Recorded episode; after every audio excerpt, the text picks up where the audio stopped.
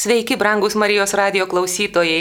E, šiandien labai džiaugiuosi šitą galimybę dalyvauti laidoje knygų lentynoje. Aš esu Juratė Micevičiūtė. E, išėjo neseniai prieš kelis mėnesius paskutinė e, mano kelionių knyga Švento Ignaco kelio etapai žmogaus tapsmas. E, ji priklauso Šventosios Ispanijos knygų serijai. Tai kadangi knygos yra apie piligrimystės, e, tai kaip tik tai ir bus e, šiandien pagrindinė mūsų pokalbio tema. Sveiki, aš esu piligriminių kelionių organizatorius Mundus Mirabilis, Regina Tkočiūnaitė. Tai kaip sakiau, Pagrindinė tema yra ką tik išėjusi knyga apie Švento Ignaco kelią. E, ir apskritai pasitarėme su Regina, kad turbūt bus įdomiausia pakalbėti iš pradžių apie tai, kaip čia atsitiko, kad piligrimystės tema buvo tokia svarbi krikščionių šventiesiems, ne vien tik šventajam Ignacui. E, tai čia jo atvejais galbūt yra šiek tiek ypatingas, nes jis taip susitapatino su piligrimo vaidmeniu, gal galima tai pasakyti, kad netgi paskui savo autobiografinį pasakojimą pavadino piligrimo pasakojimas. O kai pasirašinėdavo savo laiškus, jau po to, kai nuėjo piligrimystė, jis keliavo į per, keliavo per visą Ispaniją, paskui iki Jeruzalės, tai čia dar prie to mes prieisim. Tai paskui jis netgi laiškus pasirašinėdavo piligrimas. Ir čia tokiu būdu jis tarsi perteikė tokią labai populiarią idėją.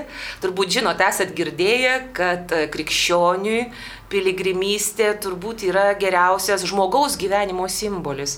Nes žmogus, kai pradeda eiti nuo lopšio iki kapo, tai čia tarsi tokie du knygos viršeliai, tai tarp jų telpa visas pasakojimas apie jo gyvenimą, jo piligrimystė. Ir tokiu būdu, jeigu mes žiūrim į žmogaus gyvenimą kaip piligrimystę, reiškia homo viator, čia popiežius Pranciškus labai mėgsta irgi vis priminti mums, tai tuomet tie visi rodos padaryti gyvenimo įvykiai, jie tarsi ant tokio siūliuko susiveria kaip karoliukai.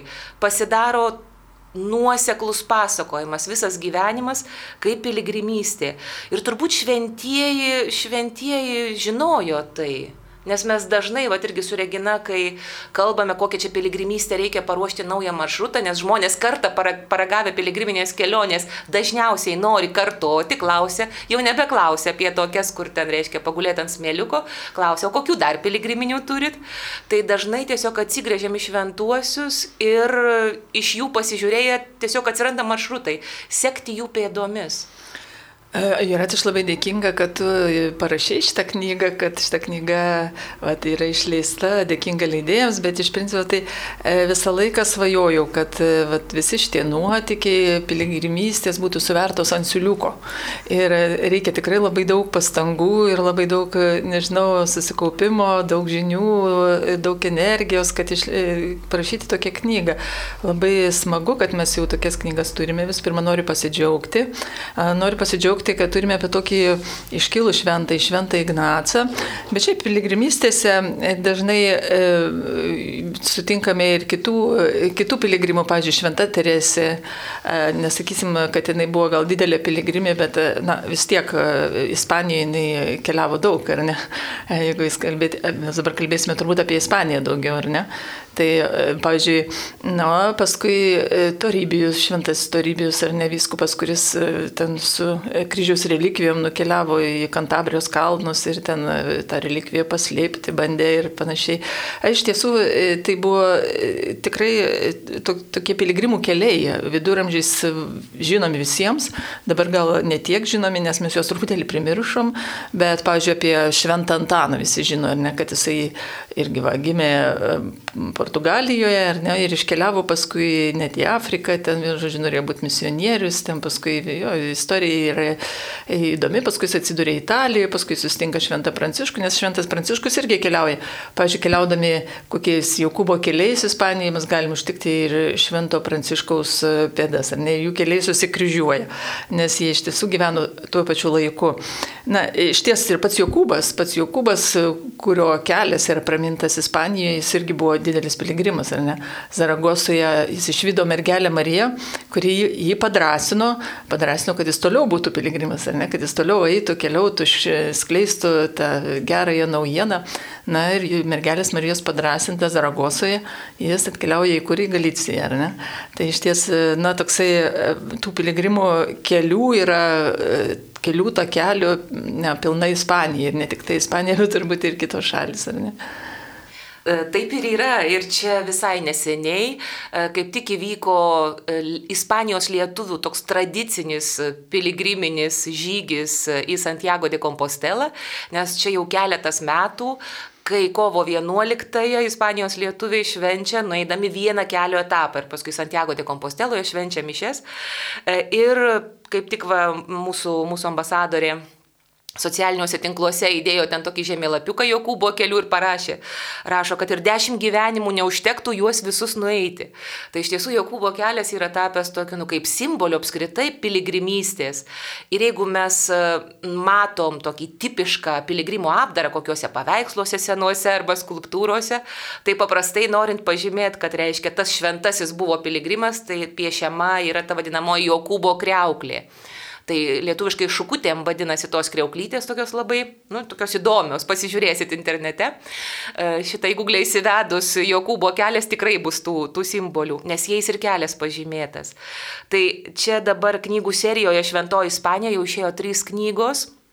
Ir įdomu tai, kad e, visose visuose trijuose maršrutuose, jeigu taip galima sakyti, kurių metu stengiuosi nu, kaip ir priartinti skaitytojams vieną ar kitą ispanų šventąjį, iš tų didžių šventųjų, iš kurių kažko galima pasimokyti, tai visą laiką jų keliai kažkuriam taške susikryžiuoja su Jokūbo keliais. Tai čia yra toks kaip, kaip simbolis išeina.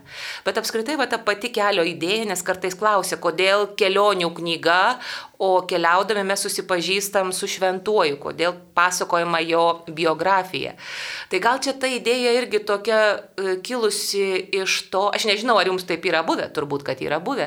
Pavyzdžiui, keliaujat su kažkuo tai ir vat, būtent kelionės metu, jeigu kelionė pakankamai ilga, o jeigu dar tamsu, ten, pavyzdžiui, važiuojate autobusu ar traukiniu, tai kažkaip norisi atvirauti, ar ne? Čia va, visai neseniai iš knygos pristatymo važiavom su leidyklos kolegėmis, tai būtent jau grįždamos naktį ten išsikalbėjom apie tokius jau atviresnius, tokius įdomesnius dalykus. Tai kelionė yra labai geras būdas ne tik atrasti vietas, bet ir susibičiuliauti ir su kelionės bendrakeleiviais, ir taip pat su tais šventaisiais, kurių pėdomis mes galbūt einame. Na, bet vis, kiekvienai kelionė reikia įkvėpimo, ar ne? Ir kai perskaitai tavo knygas, iš tiesų įkvėpimas e, ateina, nes jos parašytos labai įdomiai, labai įkvepiančiai, labai daug e, detalių, kurios netikėtai mūsų užklumpa toje knygoje. Aš tiesiog e, galvoju, kad na, tikrai daug skaičiu apie Šventą Ignacą arba kokią Šventą Teresę, bet na, radau tikrai daug naujienų tavo knygose, tikrai labai iš, iškasinėjus esi ten, iš, iš, išlupinėjus tas detalės, po, po, po truputėlį sudėjus jas į vietas. Ir, na, žmogus žmogus perskaitęs tą knygą tikrai įsikvėpia kelionį, ne? Yra įkvėptas, nu, mes organizuojam piligriminės keliones, e, kurios kiekvienais metais vis įvairėja, gausėja. Nu, džiaugiuosi, kad tų piligrimų vis daugiau ir esame atviri visiems ir kiekvienas, kas tik tai nori pabandyti atrasti tą ar kitą šventąjį, ar iš viso pabandyti piligriminės kelionės skonį, vad gali prisijungti prie tų grupių keliaujančių nu, į vieną ar kitą vietą. Aš galvoju, kad piligrimas gali būti pavienis ir e, gali būti grupė, ar ne? Ir iš ties e, keliaujantis pavieniai dažnai sako, aš čia vienas nukeliausiu. Ne, keliauti vienam, sako, jeigu nori kaip čia keliauti ilgai, keliauk vienas, jeigu nori eiti toli, tai keliauk su draugais. Nes iš tikrųjų tai e, su, su, su draugais keliaudamas tu e, įgyji visai kitą patirtį ir tie draugai, kurie na, taip pat e, tampa, pamažu visi tampa piligrimais. na, pamažu, pamažu visus apima piligrimystės e, dvasia, piligrimystės galbūt e, tas na, įkvėpimas, nors ir kartais ateina žmonės ne visai įkvėpti piligrimystėje, bet įsikvėpia piligrimystėje jos metu tiesiog. Aha tas susibičiuliavimas, tai irgi toks, toks įdomus dalykas.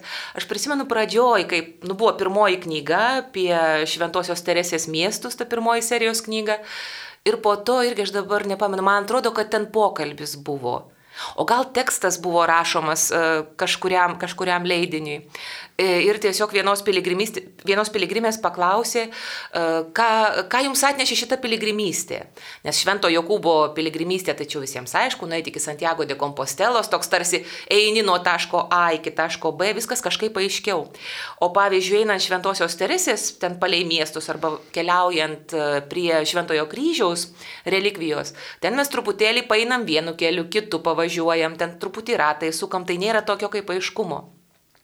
Ir jinai tada taip įdomiai atsakė, sako, sako man šita uh, piligrimystė tapo būdu susidraugauti. Sako, aš įsigijau bičiulių ir dabar tie bičiuliai yra šventieji.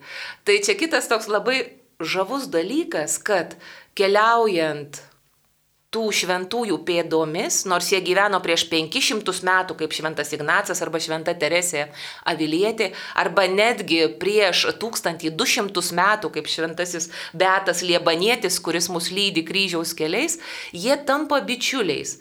Nes mes tarsi keliaujam, tais, tuos pačius peizažus matom. Mes prisiliečiam tarsi prie tų pačių daiktų, kuriuos jie lietė. Ir tai mus priartina prie tų žmonių ir jie jau nebetrodo tokios sustingusios skulptūros altoriuose, bet jie tampa bičiuliais, reiškia realiais bičiuliais. Ir paskui irgi įdomu, kad piligrimai man pasakojo, kad netgi, netgi sapnuojasi, pavyzdžiui, Šventa Teresė ar Kryžiaus Jonas aplankė sapne ir ten nu, tiesiog prasidėjo nuotykis, draugystės nuotykis. Tai čia ne juokas, reiškia, jeigu mes keliaudami įsigijam da, bičiulių danguje, tai čia yra labai naudingas dalykas ir šio gyvenimo kelionėje. Taip, taip, jie nusileidžia ant žemės, tai iš dangaus, ar ne? Jie tiesiog šalia mūsų galbūt keliauja kartu, nes, nu, kiekvienoje vietoje mes atrandame, ką jie darė šitoje vietoje, ką jie veikė, ką, kaip jie galvojo, ar ne? Ir tikrai labai smagu pradžioje paskaityti, pačiupinėti tą knygą, ar ne, tuos karoliukus ir paskui, paskui iškeliauti į kelią ir išsinešti tų karoliukų, dar tenai palukštenti jos vietoje, ar ne? Bet iš tiesų piligrimystė ne tik tai labai gražu ir labai gera, ir geras oras, ir, ir vienu žodžiu kažkas labai gero, piligrimystė turbūt ir sunkumai, ar ne? Piligrimystė ir tai, kad e, ką patyrė ir tie patys šventieji keliaudami, jie nemažai sunkumų patyrė, ar ne? Jie nu, nebuvo tokie vat, ant rankų nešiojami, ar ne? Jūs ten žiūrėjo kažkaip tai labai e, įvairiai žmonės, ar ne? Jie patys į žmonės irgi galbūt keitė požiūrį po truputėlį, ne? Tai tas vat, pasikeitimas, tas, kuris mus lydi toje piligrimystėje, susidraugaujant su šventoju, nėra toks lengvas visą laiką. Kartais jisai toksai, um, nu, kviečiantis į pamastyti, kviečiantis pakeisti gal ką nors savo gyvenime, gal kviečiantis e, šiek tiek nu, pasukti kitų kelių, negu kad įėjai iki šiol. Ir ta piligrimystė vat įgauna prasme, ar ne? Įgauna prasme, nes žmogus, na, nusprendžia priima kažkokį tai svarbų sprendimą, kurio galbūt sėdėdamas namuose, gal jis priimtų vėliau jį, bet e, daug vėliau, gal per vėlai priimtų, ar ne? O štai čia ateina mintis, toks štai ir staiga žmogus, žmogus supranta, kad jam reikia daryti kažką kitko, ar ne? Na, būna tokių visokių įvairių tų piligrimistės momentų. Ir tikrai labai smagu, kai keliauju ypatingai su grupėmis per pasidalinimus išgirsti, na, e, ką žmonės galvoja ir, ir ką jiem reiškia ta piligrimystė, ne? Nes kartais būna labai rimtai piligrimystė žiūrinčių, kartais žmogus na, skirtingai kiekvienam žmogui, ar ne, kartais į kelią išeina šiaip pat šiandien ir dabar. Ne? Toksai, galima sakyti, ne visai rimtas požiūris, bet pasirodo, kad pats rimčiausias gali, ne? Nes piligrimystė toks yra Dievo darbas. Aš tai taip sakau, kad kai organizuoji piligrimystę, piligrimystės negali suorganizuoti. Jis būna arba, nu, būna įvyksta, bet vėliau. Ne? Tai, žodžiu, kiekvienas pasiema turbūt tiek, kiek sugeba pamatyti tame kelyje, kiek jam duota pamatyti, kaip sako šventas raštas, ar ne.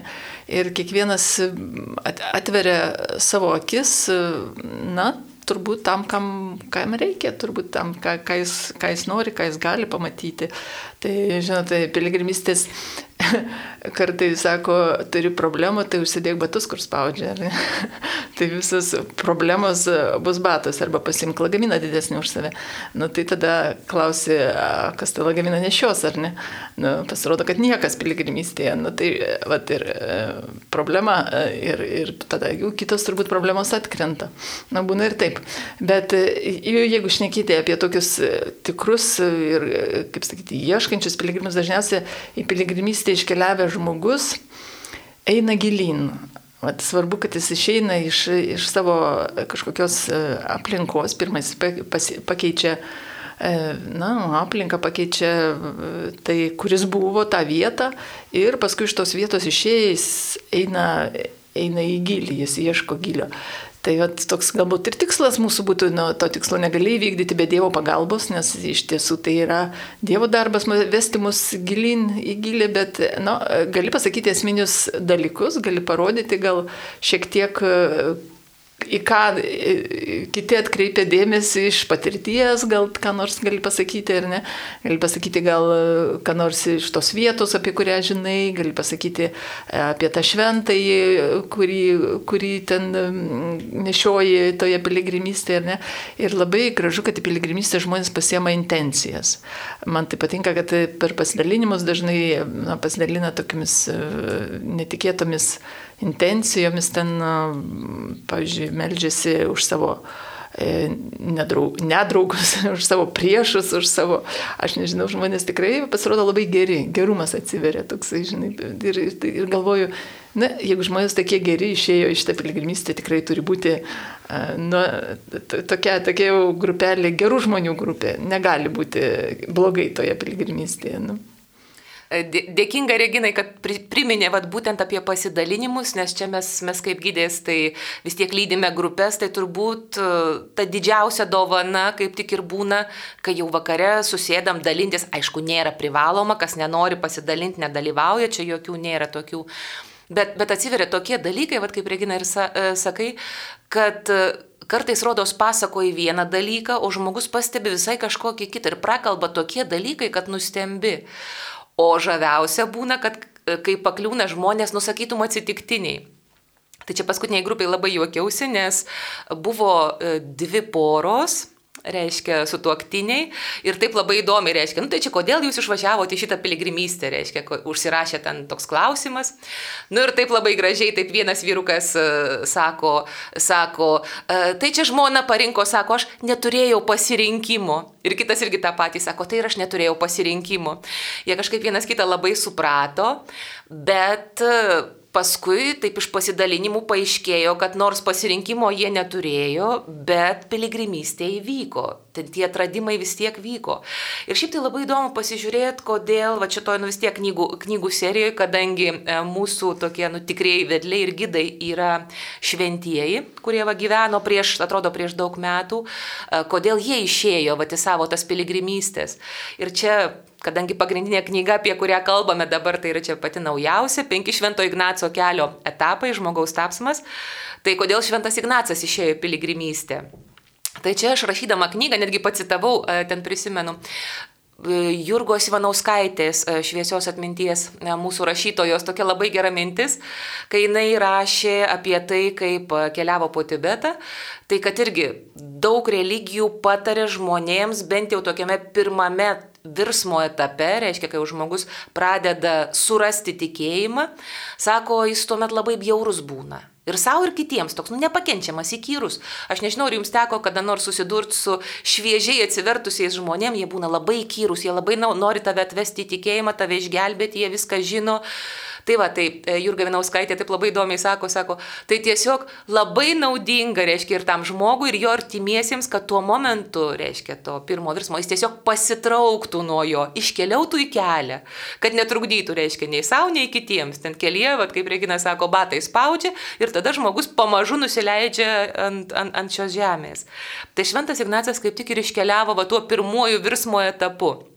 Ir ten tokių nuotikių jam atsitiko, jis ten dar buvo toks šviežiai atsivertęs krikščionis, nežinojo, kaip, kaip reikia elgtis, tai jis ten tiesiog mėgdžiojo tai, ką buvo riterių romanuose prisiskaitę. Tai netgi yra sakoma, kad paskui nusižiūrėjęs Švento Ignaco biografijos, Cervantesas parašė Don Quixotą, kad tikrasis įkvėpimo šaltinis buvo būtent tas Ignaco asmuo ir ką jisai ten padir, pridirbo toj piligrimystėje, nes tokių labai nepasakosiu, kad paskaitytumėt, bet e, va būtent Šventas Ignacas tą drugelio virsmą išgyveno būtent savo piligriminės kelionės metu, kai ten drugelis dar toks visas šlapės, toks su, su, susiraukšlėjusiais sparneliais išlenda iš, iš kokono. Tai čia būtų Švento Ignaco, kodėl jis išėjo į piligrimystę. E, dabar, kai rašiau knygą apie Šventos Teresės miestus, tai ten kitas momentas pasimatė. Irgi nežinau, ar jums būna, bet daug žmonių irgi sako, kad kol piligriminė kelionė jau suplanuota, jau čia žmogus užsirašė, jis labai svajoja, labai džiaugiasi, dabar kuo arčiau ta piligriminė kelionė, tuo labiau nesinori eiti. Problemų visokių atsiranda. Tai čia ir čia skauda, ir čia kažkokie reikalai, reiškia kažkas tarsi neišleidžia. Tai čia aš viskai, vad kai rašiau apie Šventą Teresę, tai irgi va, tas nenoras jai visą laiką būdavo. Reikia išvažiuoti steigti ir iš karto viskas užgriūna ir lygos ir panašiai. Bet žmogus išeina į kelią ir staiga ir sveikata pasitaiso ir tie reikalai kažkaip susitvarko. Nes turėjau, atsimenu, vieną ypač tokią piligrimę, kuri keliavo visą laiką iš pradžių prilipus prie telefono.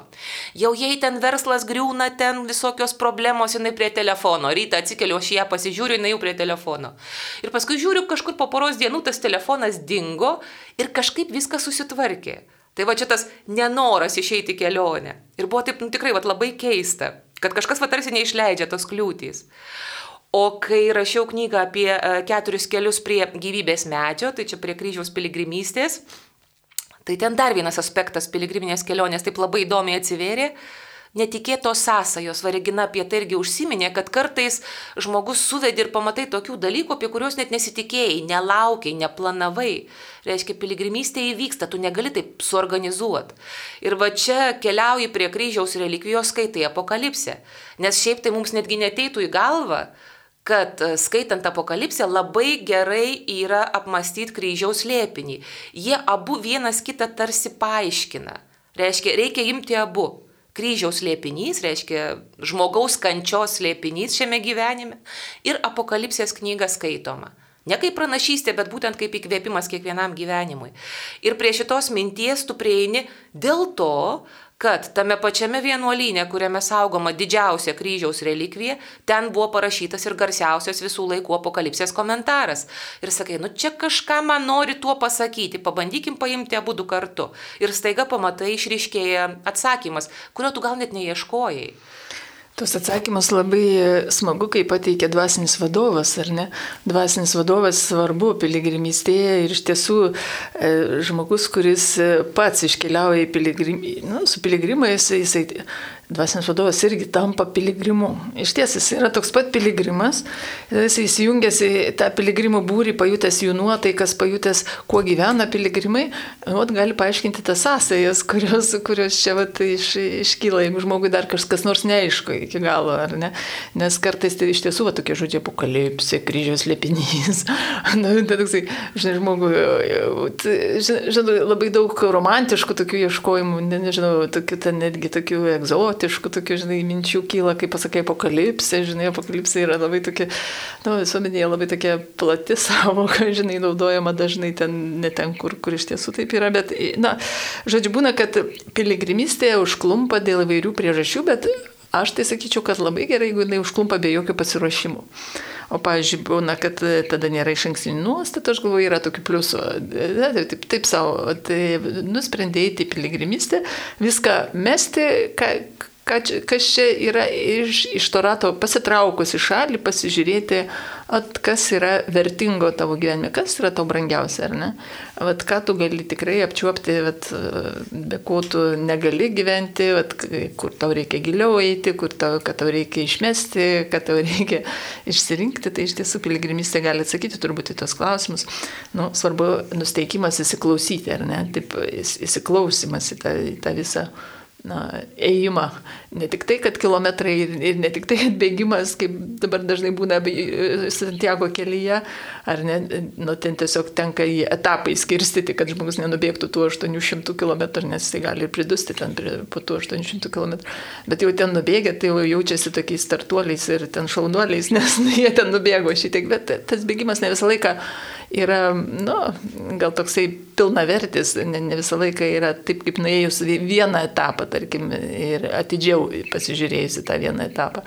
Galbūt netgi yra geriau ne, ne tiek daug nueiti, bet kokybiškai, taip, na, taip tiesiog su sustojimais nueiti, ar ne? Tai mes e, siūlom sustoti, pamastyti ir eiti toliau. Na, ne, nebėgti, ne, nerungtiniauti piligrimystės. Nu. Nu, galima ir rungtiniauti, tiesą sakant. galima rungtiniauti, kas ką atras, kas ką suras, ar ne. Galbūt pasidalinimai tai irgi praversta, tokia, žinai, piligrimystė. Sakau, ne, ne mūsų rankose, ne, ne, ne, mano rankose, ne, ne mes ją organizuojam, tiesiog Dievas ją pabaigia, mes tik pradedam tą darbą. Čia yra labai svarbus irgi dalykas, va tas, tas lėtumas. Tikrai, kaip, kaip tu Regina ir sakai, kad skubėti nereikia, nes yra žmonių, kurie eina gabaliukais, jeigu eina, reiškia piligrimystė. Ir tas kalbėjimas vyksta visos kelionės metu. Tikslas tai čia, kaip sakoma, kaip vyšnė jau ant torto uždedi. Bet pati kelionė turi vykti lietai ir įsiklausant. Tai čia irgi, vat, pavyzdžiui, kai, kai rašau knygas, tai gal daug tos informacijos, skaitomos turi būti lėtai, irgi po truputėlį irgi suskirstytos knygos, pamatysit, jeigu paimsit į rankas. E, kelionių serijos Šventoji Ispanija, visos trys knygos yra suskirstytos gabaliukais, kad e, ta kelionė vyktų po truputėlį, jau prasideda su knyga, žmogus jau po truputį įpratinamas prie lėto ritmo. Tikslas nėra perskaityti knygą nuo pradžios iki pabaigos ir paskui ten kokį testą išlaikyti, bet būtent įeiti ir į tą laikotarpį, kad, kad tas šventasis mums taptų artimas e, ir paskui galbūt netgi pasitreniruoti būsimą ilgam ėjimui e, piligrimų keliu.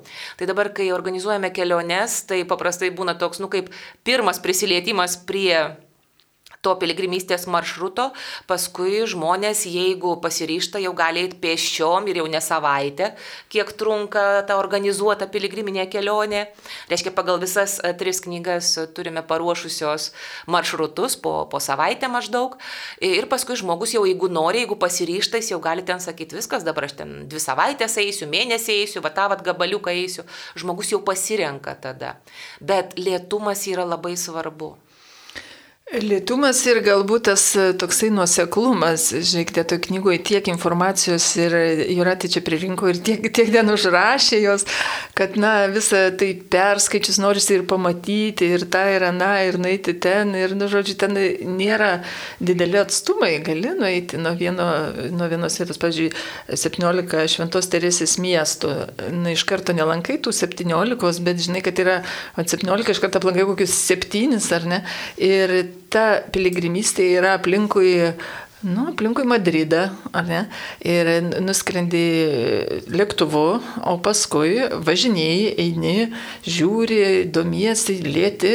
Na, žodžiu, iš tiesų tai tu sustoji, sustojimas yra toksai. Ir e, ten yra knygoje tiek gražių detalių, tiek e, šaunių pastebėjimų, na ir dar sustinki paskui va, pačią Juratę toje kelionėje. Nuostabu, nuostabu, kai žmogus pasakoja ir žino, apie ką pasakoja, tikrai tos žinios, nu, manyčiau, kad yra dar vienas įkvėpimo šaltinis toje piligrimystėje. Tikrai Dievo duota dovana, charizma, rašti knygas, Juratė, klausyk, rašyk dar vieną kokią nors turi pribręsti, aišku, labai ačiū. E, bet e, kas, kas yra žaviausia, kuo skiriasi galbūt va, ta piligrimystė važiuojant nuo tos, kai, kai žmogus eina, tai galbūt jinai būna truputį labiau gal pažintinė, gal, kadangi važiuojant vis tiek mes apriepiam daugiau, tai mes gal gaunam tada daugiau tokio kaip konteksto. Reiškia, kokiam pasaulyje gyveno tie žmonės, kurie, pas kuriuos mes važiuojame svečius, su kuriais mes norim susibičiuliauti. Tai čia Šventas Ignacas, Šventa Teresė Avilietė, Kryžiaus Jonas, Beatas Liebanietis. Bet kita vertus, e, dar labai įdomu, vad sakom, nu ką mums tas kontekstas, ten aštuntas, aštuntas amžius Beto Liebaniečio, ką jis mums gali duoti, taip seniai žmogus gyveno. Arba Teresė Vilietė, vad kryžiaus Jonas, Šventas Ignacas, e, tai ką, ką jie mums gali duoti. Bet iš tiesų tie jų pamokymai, galima sakyti, jų gyvenimo patirtis sudėta į jų veikalus, jie visai kitaip tada atsiskleidžia, jeigu mes prisiliečiam labiau ir prie to, kaip jie gyveno. Nes, nu žinot, pavyzdžiui, jeigu mes ten susibičiuliaujam su kokiu žmogum, jeigu tas žmogus mus pakviečia sa, pa, pas save į svečius į namus, tai mums kažkaip visai kitas aspektas atsiskleidžia. Mes tada žiūrim, kaip jisai gyvena ir mes jau daugiau apie tą žmogą sužinom vien dėl to, kad mes pasiten virtuviai pabuvom, kol arbatą gaminom ar pasižiūrim, kokios nuotraukos salonė ant sienų sukabintos. Jau mums aiškiau. Dabar kas dar labai įdomu, Tai, kad tie šventieji jie vis tiek gyvena tokiais labai sudėtingais laikais. Mes aišku įsivaizduojam, kad mūsų laikai yra patys sudėtingiausi ir kad čia mūsų problemos, tai jau tokių kaip mes niekas neturėjo, čia mes tokie pirmieji, reiškia, su tokiam problemom susidurėm iš tiesų, kai pasižiūri, tie žmonių gyvenimai taip, taip daug kas kartojasi. E, ir čia Šventas Ignacas visą laiką sakydavo, sako, e, jeigu žmogus pasimoka iš savo klaidų, žmogus pasimoko, tai jisai protingas žmogus. Bet jeigu jis pasimoko iš svetimų klaidų, Tai labai protingas žmogus. Tai reiškia, geriausias variantas būtų kaip tik tai pasimokyti iš svetimų klystkelių, dar geriau pasimokyti iš svetimų teisingų pasirinkimų, tai tada savo kojų nenusimušim šio gyvenimo kelyje. Tai va tas važiuojant gal labiau atsiver, nes mes tiesiog, nu, greičiau pravažiuojam, pamatom vis tiek truputį ir pažintinės tos kelionės yra, lankom labai įdomius miestus, užeinam į svarbiausius uh, šventovės, tai ten ir paveikslus, altorius, pasižiūrim skulptūras ir visa tai kalba. Ir labai įdomu būna atrasti, kad tai, kas galbūt prasidėjo arba įvyko 16 amžiui, arba netgi 8 amžiui, iki šiol mūsų gyvenime daro įtaką. Reiškia, yra išlikę tokie labai realūs apčiuopiami dalykai, kurie iki šiol galioja, kurie mums iki šiol svarbus, o pasirodo, jie prasidėjo va tų šventųjų laikais.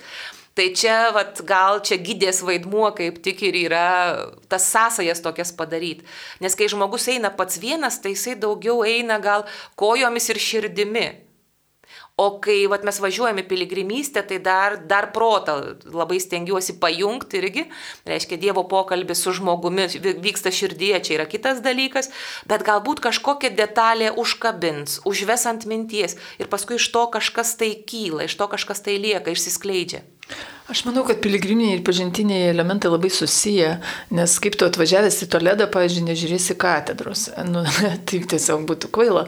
Na, eini į katedrą, žiūri, o tai kaip tu apie ją nepasakos. Yra ten, ką papasakoti ir yra ką pasižiūrėti, ir, bet Teresės Avilėtis, bet Palauk, tai yra susijęs su tuo miestu, kur jinai buvo ir tada jau vėl iš naujo tu ten turi jau kitą liniją, na, Toledo liniją, istoriją visą vis, Ispanijos, nu, negali jos pamiršti dėl to, kad tai yra na, tas laikotarpis ir galiausiai tai įveda į tą laikotarpį, kuriame gyveno ta šventoji. Na, e, tokių pažintinių m, mm, dalykų negali atskirti nuo piligrimystės jau taip visiškai sieną. Na ir nereikėtų, aš manyčiau, kam, jeigu eini ten į tą vietą, kodėl nepažiūrėjus, kas viskas gražu. Aš tai galvoju, kad tikrai labai suderinama. Ir gamta, pavyzdžiui, jeigu ten nori į kokius kalnus, ten Kantabrijoje, pavyzdžiui, Tarybijoje kelionės, pavyzdžiui, keturi keliai prie gyvybės medžio pagal tą knygą einant. Tai iš ties tose kalnuose toks grožis, kodėl nepabūs, kodėl nepameditavus, kodėl to grožio, kodėl nepadėkojus Dievui už tą grožį. Na, tiesiog yra keli e, dalykai, kurie na, susiję ir, ir, ir, ir, ir ta gamta, ir tie paminklai, ir visa, ką matai aplinkui, be abejonės yra piligrimystės dalis. Ir čia vienas iš dalykų, galbūt irgi, kuriuos, kuriuos ir atranda ir žmonės, ir, ir man kaip gydėjai būna labai taip svarbu tą pamatyti, turbūt Regina irgi esi turėjus tokią patirtį, kad e, žmonės dažnai atvažiuoja tarsi atskiria. Aha, čia yra kultūra, čia kažkokie paveikslai, skulptūros, mes jais čia grožimės, toks estetinis prieimas, kad čia tik tai grožis. Nu, jeigu jau melstis, tai jau čia einam į kokį tamsiausią kampelį, reiškia, ten uh, užsidedam dar, dar kokį kapišoną, kad ten niekas mums netrukdytų ten mes melžiamės. Bet iš tiesų mes kažkaip esam pamiršę, kad va tą grožį, ypač viską, kas sukurta dar iki XIX amžiaus, tai paprastai tas grožis buvo įkvėptas tokio labai gyvo tikėjimo. Tai labai būna smagu, kai mes žiūrim, pavyzdžiui, paveikslą, skulptūrą, kažkokį tai gražų paminklą. Gamtoj turbūt paprasčiau, nes mes gamtoj taip labiau tiesiogiai jaučiam tą Dievo kūrėjo ranką. Bet kai mes matom žmogaus kūrinius, tai kad mes dar išvelgtumėm ir iš ko tie kūriniai gimė. Nes e, kultūra be dvasios tai yra tik tuščias apvalkalas iš tiesų. O dvasia be to kultūrinio rūbo, nu tai dvasia, nu tai oras, tai toks pūstelėjimas, reiškia alsavimas, tu jo neužšiuopsi. Ir kartais, kai pamatai tokį įspūdingą, nu tikrai iš tokio gyvo tikėjimo gimusi kūrinį, tai čia kai kas ploja katučių, oi čia UNESCO saugomas žmonijos palikimas, čia būtinai reikia, čia pasižymim iš karto ten socialiniuose tinkluose, mačiau, vad nusifotografuojam selfis, e, asmenukė, ar nereikia sakyti, mm. asmenukė čia su Toledo katedra, čia va, aš čia buvau. Bet e, jeigu mes žiūrim truputėlį giliau, mes tą dvasę galim pamatyti, nes jinai matosi tuose akmenyse. Tai va, tai čia piligriminė kelionė, kur yra nu, važiuojama, gal, kaip sakiau, truputį mes daugiau pamatom, gal daugiau atijungiam tą, tą proto gal dimensiją, proto gebėjimą, tai mes ten e, turim galimybę pažinti, giliau pažinti tuos kūrinius, negu, pavyzdžiui, turistai, kurie tiesiog bėgioja su uh, aprašu rankoje ir žino ten, uh, kokiu, pagal kokį stilių akmenį sudėti, kuriais metais sudėti, kas juos sudėjo, o vad kodėl sudėjo, tai jie kaip ir neperpranta. Jeigu čia ateini, ateini prie to paminklo kaip piligrimas, tada tu supranti kodėl. Ir ta kelionė, jinai tampa tokia labai vientisa. Vat pavyzdžiui, kai mes paimam knygą ir jinai yra nuo viršelio iki viršelio, tai tokiu būdu ir kelionė, piligriminė, jinai irgi turi savo viršelius. Ne tai, kad čia mes aplankėm 20 ten bažnyčių, 30 muziejų, ten 15 e, miestų, nuvažiavom tiek tai tūkstančių kilometrų. Tai tuomet tas tiesiog ir pati ta kelionė, jinai tampa tokiu kaip pasakojimu, jinai tampa vientisa. Galvojant apie piligrimystę, mes jų ten tikrai daug organizavome į Šventąją Žemę, ten grupės turėjom, ar ne, ten į Romą, e, pavyzdžiui, į Fatimą, į Medžiugorį, tokias labai konkrečias vietas.